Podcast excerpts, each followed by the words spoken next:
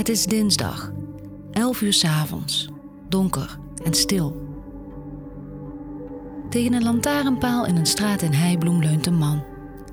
Hij moest naar buiten om een sigaretje te roken, even weg van alles. De man heeft zojuist een vreselijk telefoontje gekregen van zijn zwager. Nicky Verstappen, de elfjarige jongen die vermist raakte tijdens het zomerkamp, is gevonden op de Brunsumer Heide, luidde de boodschap. Dood. Ook een stukje verderop, in café Het Witte Huis, heerst verslagenheid. Enkele kroegbezoekers hebben eerder die dag nog meegezocht naar de jongen. De politie doet er nog het zwijgen toe, maar er wordt gefluisterd dat die arme Nicky is neergestoken.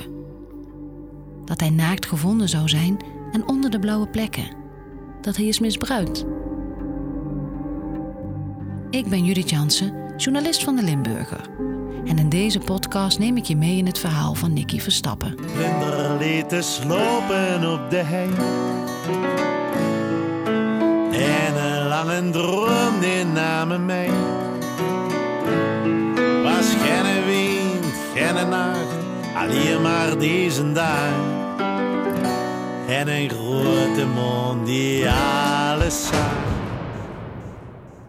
Aflevering 2. De zoektocht. Het bosrijke gebied van de Heikop is maandag 10 augustus het toneel van de zoektocht naar de verdwenen jongen. De politie gaat er in eerste instantie vanuit dat Nicky tijdens het zomerkamp is weggelopen. De vraag is: waarom? Het gekibbel met zijn vriend Ian over de kauwgom op de avond voor zijn verdwijning blijft de gemoederen bezighouden. Ook al houden zijn tentgenootjes vol dat dit niet de reden kan zijn geweest. Maar wat is de reden dan wel? Waarom zou die schuwe Nicky zomaar de tent verlaten in zijn eentje? Zou het griezelverhaal dat jeugdleider Joris die avond vertelde hem misschien de stuipen op het lijf gejaagd hebben? En wie was die schim met die hoge hoed die die meiden vanuit hun tent voorbij zagen schieten? Wie zat er in de auto die s'nachts vertrok? Of was dat maar verbeelding? Is hij meegenomen? Niemand die het weet. De eerste dag, de maandagochtend van de verdwijning, lijkt er nauwelijks enig gevoel van urgentie bij de politie. Een gecoördineerde zoektocht komt er niet en het jeugdwerk besluit zelf op zoek te gaan, met hulp van de inwoners van Heibloem. Die komen massaal naar de heide.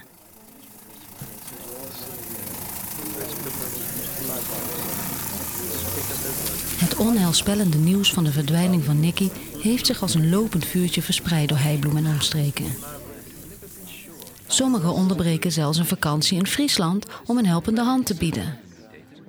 Het parkeerterrein aan de rand van de Brunsumer Heide staat vol met auto's uit het dorp. De kinderen op het kamp, dat gewoon doorgaat alsof er niets aan de hand is, zijn onrustig en maken zich zorgen. Nicky's vriendje Mark is op eigen houtje op de hei gaan zoeken, maar de leiding roept hem terug. Na de middag arriveert ook moeder Bertie bij de zoektocht. Ze heeft een portretfoto van Nicky meegenomen en wanhopig roept ze de naam van haar kind. Half Heibloem zoekt nu naar Nicky, de verlegen jongen die het nooit leuk vond om in het middelpunt van de belangstelling te staan. De kampleiding besluit 's middags naar het politiebureau te gaan. Ze willen dat er politiehonden worden ingezet. Maar omdat de heikop een te groot en druk belopen gebied is, ziet de politie het nut er niet van in. Die avond nog gaan ook de ouders van Nicky naar het bureau. Ze smeken of ze alsjeblieft willen gaan zoeken. Maar ook zij worden aanvankelijk afgescheept door een agent die hen vertelt dat een andere zaak prioriteit heeft.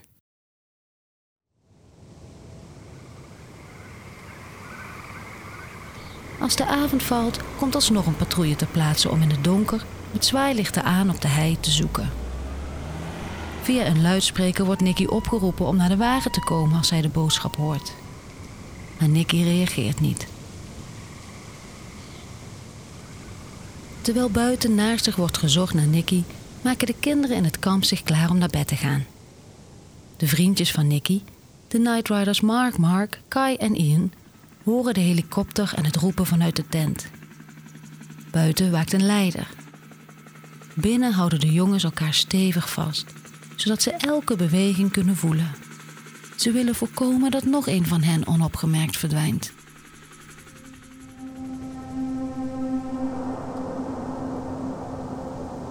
Als de politie is vertrokken, rest een ijzige stilte. De jongens schrikken van elk geluid. Ieder krakend takje, de ruisende wind door de bomen, de voetstappen in de verte. Ze zijn doodsbang.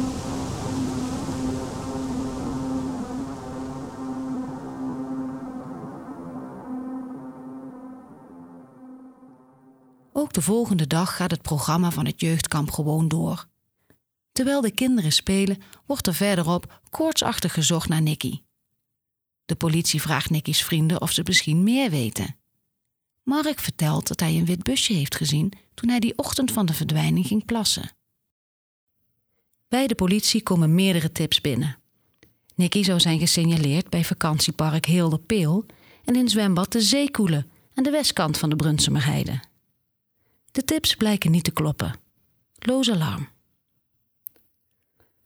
Die dag. Nicky is dan al meer dan 24 uur vermist, wordt wel alles uit de kast gehaald om hem op te sporen. Agenten met honden, leden van de mobiele eenheid en militairen zoeken systematisch de heide af.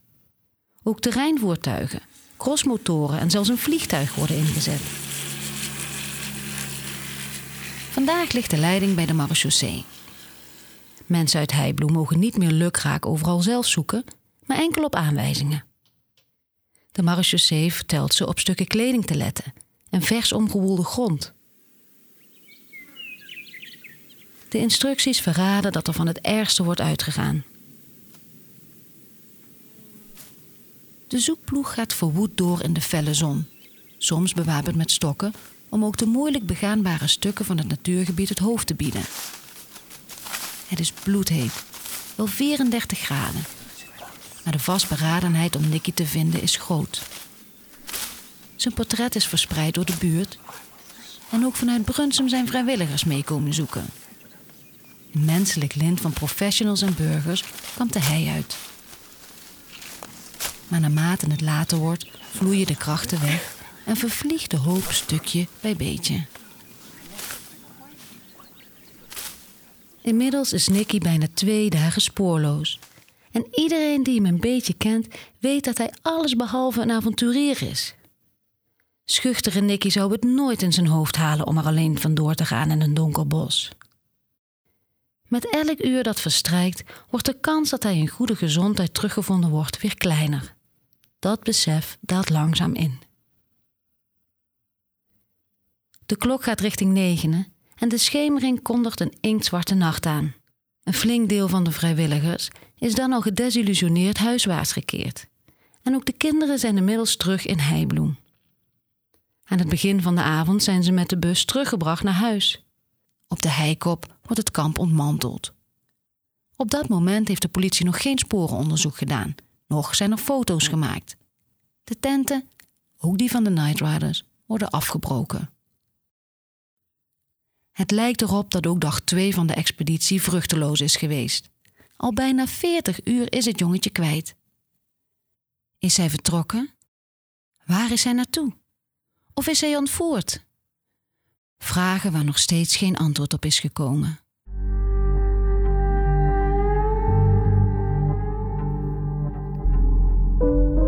De Brunsumer Heide lijkt zijn geheim nog niet prijs te willen geven. Het is alsof de jongen is opgeslokt door het landschap. Maar dan, vlak voordat de zon ondergaat, komt de zoektocht alsnog tot een abrupt einde. Op ruim 1 kilometer van de heikop wordt hij gevonden. Daar ligt hij, Nicky Verstappen, levenloos in een dennenbosje. Blootsvoets en slechts gekleed in zijn Ajax-pyjamabroek. Via de portofoon komt het bericht binnen op het kamp. Een agent vloekt. Een rechercheur licht de ouders in. Moeder Bertie schreeuwt het uit. Het geluid gaat door merg en been.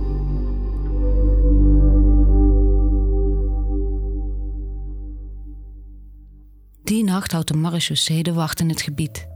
Op de kruising van de Schinvelderweg en de Grote Heiweg staan twee mannen van de marechaussee. Een paar honderd meter van de plek waar Nicky even daarvoor door een van hen is gevonden. Het tweetal moet voorkomen dat voorbijgangers de vindplek verstoren. Ze hebben de opdracht gekregen van iedere voorbijganger een proces verbaal op te maken. Het is één uur s'nachts als er opeens een man op een fiets aankomt rijden. De marechaussee heeft er een nagevoel bij. Wat doet die man hier? Ze houden hem staande. De man verklaart dat hij s'nachts post voor de scouting rondbrengt omdat het overdag te warm was. Hij moet zich identificeren. Zijn naam? Jos Brecht.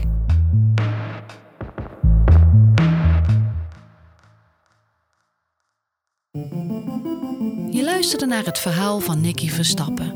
Een podcastserie gebaseerd op honderden artikelen uit het archief van de Limburger. Gemaakt door mij, Judith Jansen, Rick van Hulst, Marco van Kampen en Joris Peters. Paul Bots en Claire van Dijk controleerden de feiten.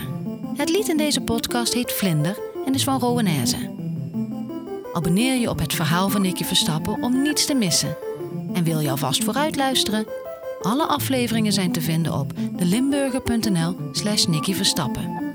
Daar vind je ook het hele dossier. Bedankt voor het luisteren.